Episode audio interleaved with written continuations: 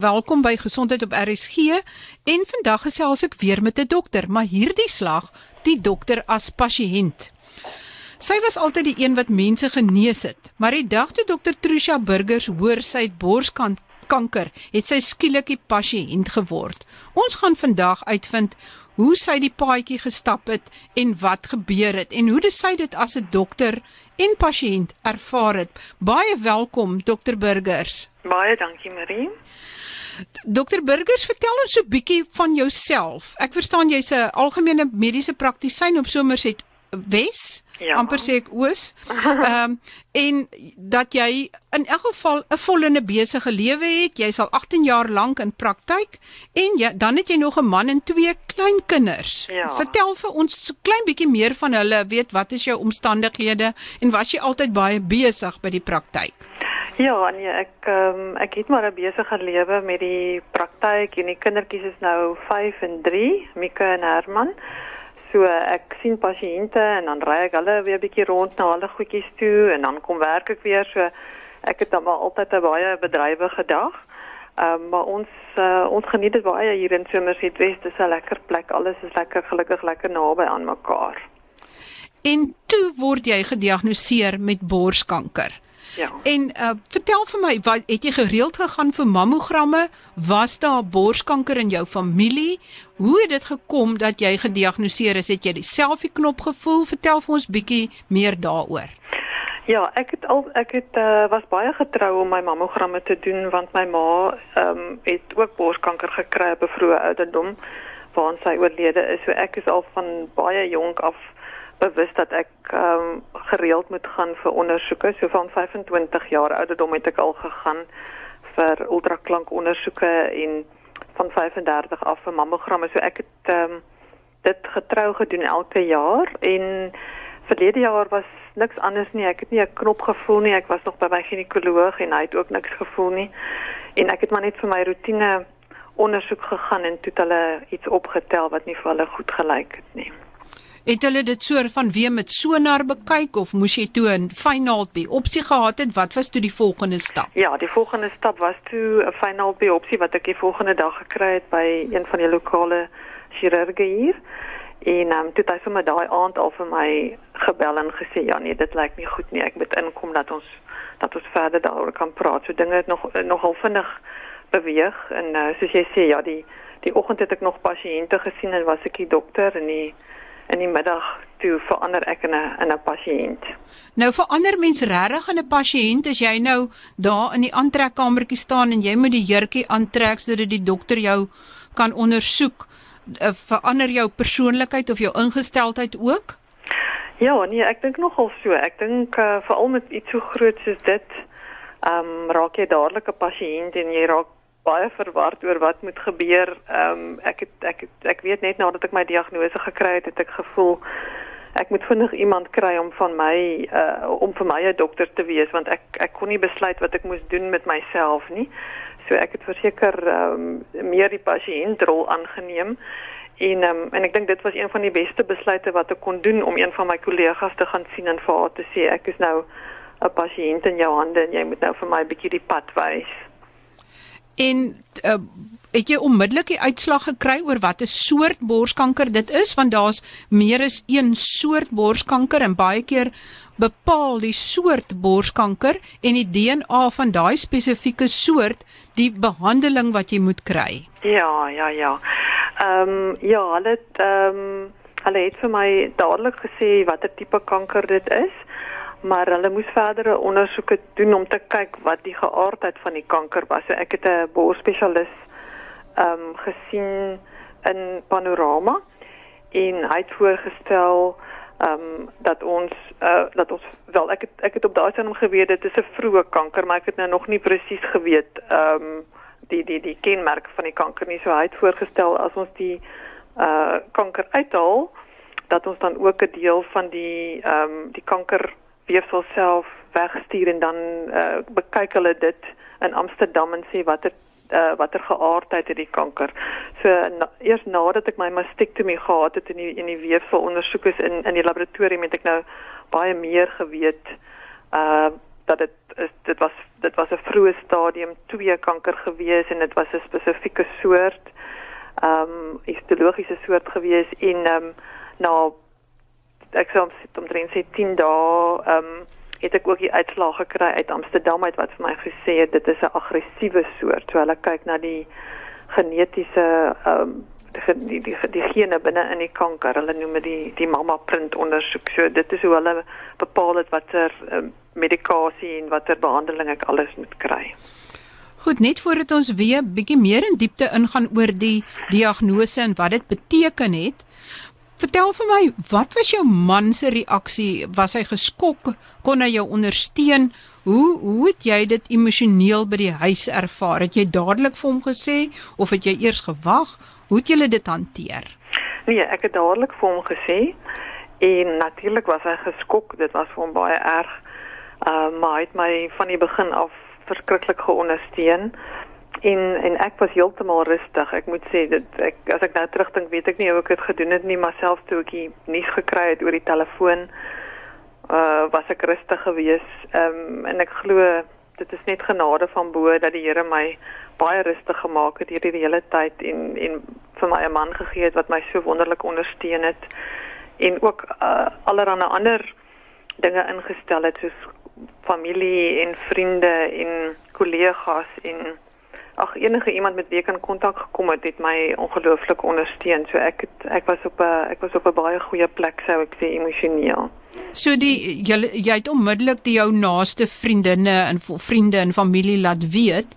Ja. En sou jy dit aanbeveel vir ander mense wat ook so 'n skokkende diagnose kry dat hulle ook maar onmiddellik amper so 'n ondersteuningsstelsel vir hulle skep? Ja, ja, nee, ek sal dit verseker aanbeveel. Dit was een van die wonderlikste goed wat ek kon doen is om ehm um, vir my ondersteuningsstelsel te om my om my op te bou. Ek het klomp vriende gehad wat ek op op die telefoon op die WhatsApp op 'n WhatsApp groep gehad het. So van die begin af het ek vir hulle boodskappe gestuur en ehm um, hulle het my ongelooflik ondersteun en as as ek uh, resultate gekry het of as iets anders moet gebeur het ek hulle op hoogte gehou en ja, hulle deur daai uh, daai kommunikasie van hulle ehm um, het my so gedra of hulle nou 'n boodskap gestuur het of 'n Bybelversie of dat hulle aan my dink of ja enige iets dit dit was net ongelooflik om te voel dat hierdie hierdie mense net agter jou staan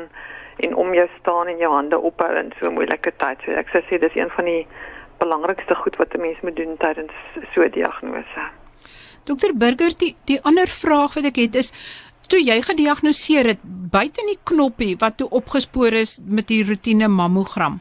Het jy enige simptome gehad? Want dit is altyd iets wat my nogal vir my bietjie skrikwekkend is en dit is dat borskanker kan eintlik al ver gevorder wees en dan sal eintlik nie ander simptome nie. Ja. Nee, ek het niks ander simptome gehad nie. Daar was niks wat my bekommer het nie. Ek sou as ek nou terugdink, dink ek ek was 'n bietjie miskien 'n bietjie moer as gewoonlik, maar ek kan ook nie nou sê dat dit nou was oor die borskanker nie, want as 'n mens klein kindertjies het, is jy in elk geval maar bietjie moer as as die gemiddelde mens.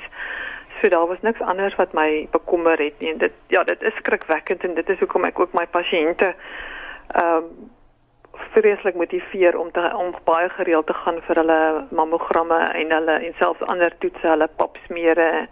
Ehm um, want kanker uh, gee eers vir jou simptome as dit baie ver gevorder is. So mense met hierdie goed baie vinnig, jy moet gereeld vir hierdie uh te gaan om dit vroeg op te tel voordat jy enigsins simptome voel of of van weet. Ja, en dit is dit geld nie net soos jy sê vir borskanker nie, selfs vir ander soorte kanker, maagkanker, kolonkanker ja. en en verskeie van die ander kankersoorte is dit dieselfde paadjie, selfs longkanker. Ja, ja, ja. Eh, Dokter Burgers, dan kom ons terug by toe jy nou na die diagnose en jy die borsspesialis in panorama gaan sien en toe verstaan ek het is daar 'n dubbele mastektomie gedoen en onmiddellik verstaan ek 'n ja. uh, uh, weer 'n rekonstruksie. Hoekom het julle besluit op 'n uh, op al twee borste 'n uh, mastektomie te doen al was daar nie in die ander bors 'n knoppie nie? Wel, ek dink elkeen se storie is maar anders en elkeen se se se se wense is maar anders vir my uh, was dit baie belangrik dat al die borsweefsel moet verwyder word as gevolg van my ma se geskiedenis en en dit sou my baie angstig gemaak het as ek ehm um, nog moes gaan vir mammogramme en daar was borsweefsel. So dit was my wens dat al twee uh, borste afgesit word, uh, verwyder word en uh, my borschirurg het eintlik daarmee saamgestem. En ehm uh, meeste van die tyd deesdae sal hulle sommer onmiddellike rekonstruksie doen so die borschirurg verwyder die borste en die plastiese chirurg uh, doen 'n rekonstruksie dieselfde tyd soos jy wakker word dan dan is jy dan is jy weer soos jy jouself geken het wat eintlik ook vir 'n mens minder traumaties was. Ek dink dit is uh, dit het vir my nogal 'n bietjie makliker gemaak die hele proses. En ehm um dit is natuurlik dan 'n baie lang operasie want eers die mastektomie en as hulle weet dat daar 'n rekonstruksie gedoen het dan word die snitte effentjies anders gedoen juis om die rekonstruksie uh, 'n beter kans te gee om goed te lyk. Ja, maar ek moet sê ek was ek was baie baie goeie um, plastiese chirurg wat saam met my uh, borsspesialis altyd werk en um, ek was verbaas toe hulle die verbande afhaal hoe min littekens ek eintlik gehad het. Ek het ook gedink dit gaan baie ehm um, dat gaan groot snye wees en dit gaan vreeslik lyk, maar ja nee wat ek ek sou sê dit was baie baie goed gedoen en ehm um, ek is ek is baie tevrede en ek is baie bly ek het besluit om dit so te doen. Daar's verskillende opsies en ehm um, ek het al reeds so iets op die webwerf gelaai op rsg.co.za oor wat is die nuutste neigings in kosmetiese chirurgie insluitend borsrekonstruksie na mastektomie en daar's verskillende opsies soos byvoorbeeld 'n maagflap of silikon of so. Watter opsie het jy gekies Ek het die silikon wel, my mediese fonds het die silikon flap gekies vir my. Ja. Ehm um, ek wou ek en my plastiese chirurg wou graag die ander opsie ge, gehad het omdat ek nog bestraling na die tyd moes kry en en baie keer met die bestraling dan kan die silikon beskadig word en dan moet dit ehm um, weer uitgehaal word en 'n nuwe een ingesit word. Ehm um, my mediese fonds wou, wou wel nie die maag rekonstruksie betaal nie. Dis heelwat duurder en die operasie is dan self nog langer. Ehm um, maar ek moet sê wel ek kan dit nou sê as ek terugkyk want my bestraling het toe nou nie my, my silikon geaffekteer nie. Ehm um, mens moet maar net besef die eh uh, die maag flap is 'n baie lang operasie en dit is die begin van 'n baie lang pad vir 'n mens. So as jy deur so 'n groot operasie moet gaan en dit vat baie lank om te herstel van dit dan moet jy onthou jy jy gaan baie keer nog bestraling kry en chemoterapie kry en jou liggaam is dan al klaar bietjie swakker. So as ek nou terugkyk, dan is ek eintlik bly ek het gegaan vir die silikon opsie want dit was ek het ek het baie vinnig herstel daarna. Maar dit is maar eh, soos wat ek aan die begin gesê het ook oor die dubbele mastektomie. Uh, dit is goed om die opsies te hê net met jou spesialiste bespreek want elkeen se storie en wense is anders. En was dit nodig vir hulle om van die kliertjies onder jou aan jou arm okselholte te verwyder? Ja, hulle sal altyd die ten minste een van die kliere verwyder um, om te kyk of dit aangetast is en hulle dit um, hulle dit vir my aan beide kante gedoen net om 100% seker te maak. En uh, aan daar was net een van my kliere wat uh, mikrometastases gehad het, so baie baie klein uitsaaiings getoon het. So dit dit was regtig uh, vroeg gevang. Ehm uh, maar as hulle nie mooi daarna gekyk het nie, dan sou dit uh, vinnig versprei het. En dan jou diagnose en en die uh, toetse wat toe gedoen is in Amsterdam wat toe bepaal het dat dit een van die aggressiewe soorte borskanker is. Vertel my net so klein bietjie meer oor jou spesifieke diagnose. Wel, ek het eintlik 'n algemene diag 'n algemene soort lobulêre kanker. Ehm um, maar hy het 'n geneigtheid om om bietjie meer aggressief te wees. Hy's nou nie van die aggressiefste nie. En ehm um, omdat dit nog so vroeg was, was uh, was dit regtig ehm um, moeilik vir die spesialist om te besluit of ek regtig chemoterapie nodig het. En ehm um, die chemo die die die uh, chemoterapie is bepaal deur die ehm um, Amsterdam mamma mamma print toets waar hulle gekyk het na nou presies hoe hoe my kanker is want daar kan ook ander lobulêre kankers wees wat nie so aggressief soos ek is nie.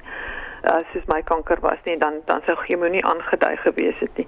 So daar is ja daar dit dis belangrik om te weet dat daar soveel verskillende soorte is behalwe net vir die stadium is daar uh, baie verskillende soorte en binne in die soorte ehm um, is dit kan hulle ook minder aggressief en meer aggressief wees. So ehm um, ek ek was dit was vir my wonderlik om by so 'n bors ehm um, sentrum te wees waar spesialiste is wat net met dit werk en wat wat bewus was van die nuutste tegnologie en die nuutste navorsing en ek moet sê ek het baie veilig gevoel in hulle hande en, en met al die inligting wat ek by hulle gekry het. So ek dink dit is dis belangrik ook vir ander pasiënte dat hulle moet goed ingelig wees oor hulle tipe kankers en wat is die opsies en en uh, wat wat is die nuutste goed wat gedoen kan word want ehm um, dit kan dalk wees dat as 'n as 'n mens nie dit mooi ondersoek nie dat jy dan onnodig chemoterapie kry of nie chemoterapie kry nie en jy dit eintlik nodig gehad. Ja, ek gaan volgende week gesels ek met Dr Rika Pinaar. Sy's 'n onkoloog by Cancer Care en sy gaan dan vir ons verduidelik oor die verskillende soorte borskanker en hoe mens deurdat jy na die DNA van die spesifieke kanker kyk kan vasstel watter tipe behandeling die beste is. Met ander woorde, dit het nie net met meer te doen met hoe groot die kanker is of hoe hy lyk nie, maar wat die DNA van daai spesifieke kankerselle is. So skakel gerus volgende week in as ons dan in meer detail oor die soorte kanker, die diagnostisering en die jongste behandelingsmetodes gesels. Dokter Burgers, terug na jou toe. Nadat die mastektomie gedoen is en die rekonstruksie, hoe lank moes jy wag voor die volgende stap van behandeling?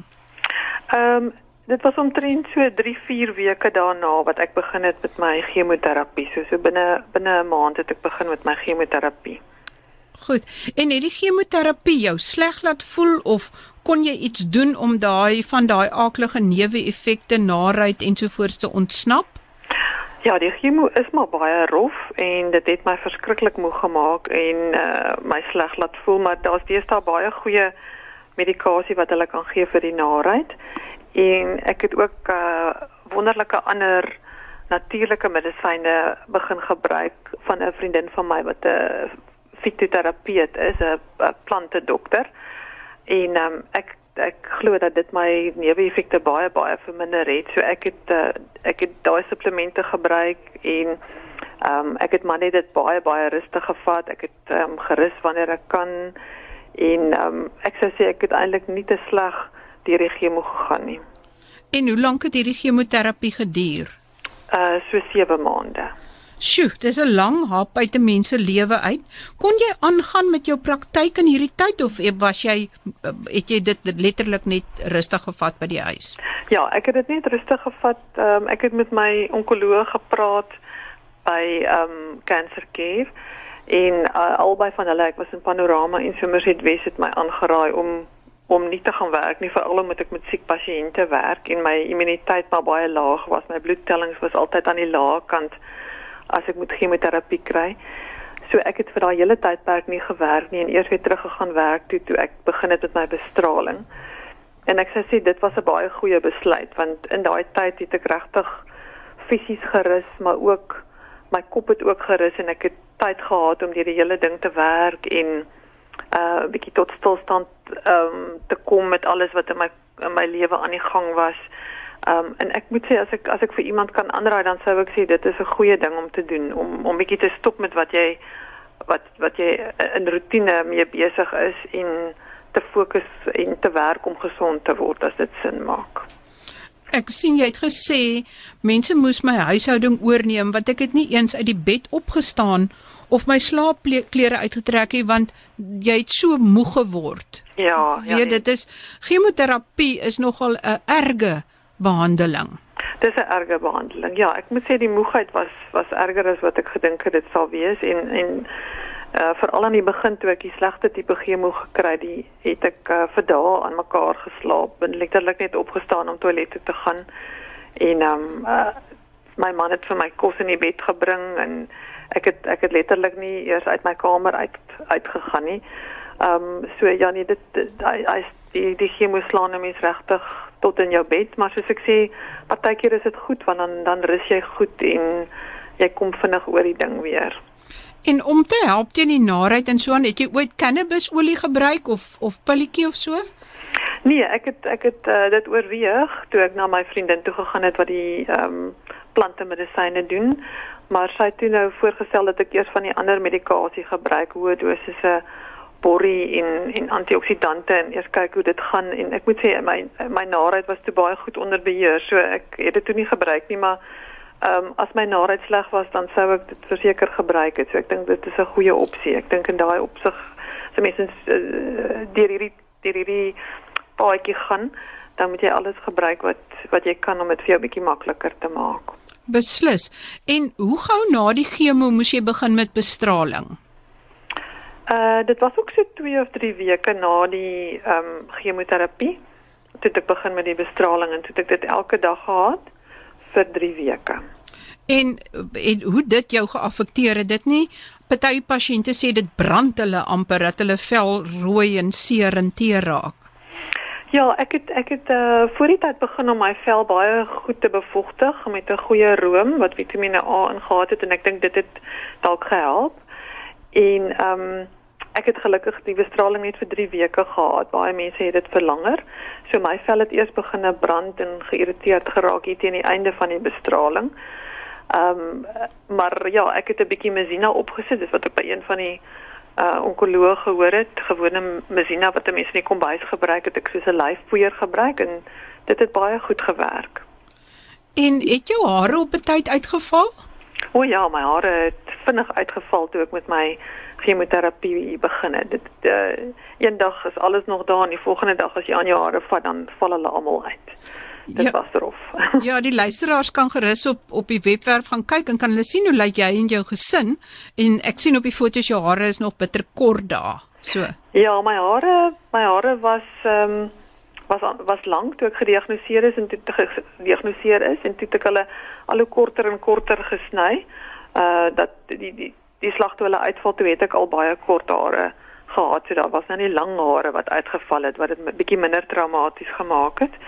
En ehm um, ja, my uh, my hare is op die oomblik ook ek hou dit nog baie kort en dis dis eintlik vir my baie lekker en ek het dit sommer bloedrooi gemaak sommer vir ietsie niets.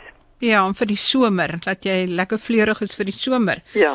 Ehm um, Ek sien ook jy sê dat die onvoorspelbaarheid en nagevolge van die behandeling was die moeilikste vir jou en dit het vir jou gevoel of kanker jou lewe oorheers het. Voel dit darm nou vir jou of jy lig sien aan die ander kant van die tonnel en het jy dalk een of twee wenke vir iemand wat nou pas met hierdie uh, diagnose uh, gekonfronteer is? Ja, nee, ek dink ehm um, wanneer 'n mens wanneer 'n mens besig is met jou kanker paadjie dan dan voel dit of kanker beheer van jou lewe oorgeneem het want ehm um, soos wat ek soos wat jy nou gesê het uh, dis amper asof die kanker bepaal wat jy kan doen want jy jy jy's jy so afhanklik van jou bloedtelling byvoorbeeld om die chemoterapie te kry. So jy jy sit klomp reëlings in plek vir jou kinders en vir die huishouding en dan kom die kankertelling of die die bloedtellings net terug en sê nee jy kan nie chemoterapie kry nie en dan swaai dit net alles weer om of uh, dinge gebeur net um, met die die die kanker behandeling laat jou sleg voel en jy kan seker goed nie doen wat jy gedink het jy kan doen nie. So jy jy, jy voel of jy heeltemal oorgegee is aan aan aan 'n eksterne ehm um, bron wat jou beheer. Maar ehm um, ek moet sê ek voel glad nie meer so nie. Dit was maar net in die tyd veral toe ek die chemoterapie gekry het. Ehm um, en ehm um, as ek nou terugdink, dan sou ek sê die hele ervaring was vir my uh po meer positief as wat dit negatief was. Natuurlik was dit baie erg, veral die chemoterapiese neeweffekte was erg. Maar ek dink dit was 'n goeie ding vir my om bietjie tot stilstand geruk te word en bietjie introspeksie te doen en te en te besef waaroor die lewe regtig gaan en en 'n bietjie te dink oor alles wat ek wat ek op die, op daai stadium gedoen het. En ehm um, ek het 'n ongelooflike geestelike verdieping gehad in my lewe. Ek ek het gevoel dat ek regtig die Here op 'n ander vlak leer ken en ek dink dit sal een van my wenke wees as jy 'n Christen is om regtig vas te hou aan die Here en en hom toe te laat om jou te help om daardeur te kom maar ook vir jou te wys of daar dinge is wat jy wat jy aan moet werk in jouself. Partykeer laat hy jou laat hy jou juist tot stilstand kom omdat hy vir jou sekere goed wil leer of hy wil ander mense uh, aanraak deur jou. So ek dink dit dit is een van my grootste wenke is dat jy nie in jou eie krag dit moet aanpak nie, maar verseker met die Here se krag dit moet aanpak. Ehm um, en ja, en dan is daar 'n paar ander goedjies wat ek ook by 'n vriendin van my gekry het wat deur kanker is wat vir my ongelooflik gehelp het. Ehm um, dat jy jy moet mooi na jouself kyk. Jy moet jouself omring deur mooi dinge, baie blomme en in die tuin gaan stap en, en, en net goed wees vir jouself, baie rus. Ehm um, jy moet 'n dagboek hou. Dit is ongelooflik om nou terug te kyk en te sien uh wat wat ek in my dagboek geskryf het by die uh, beloftes wat die Here vir my gegee het of wat mense vir my gegee het wat net op die regte tyd gekom het.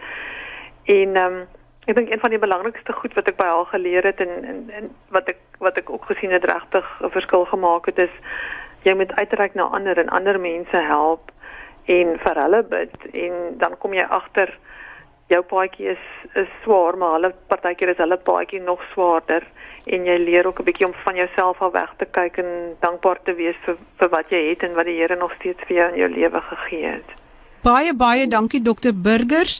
Baie dankie dat jy jou storie met ons gedeel het en onthou volgende week gesels ek dan met dokter Rika Pinaar oor die mediese deel van borskanker en eh, dokter Burgers ons wens jou baie goeie gesondheid toe. Baie dankie. Totsiens. Totsiens.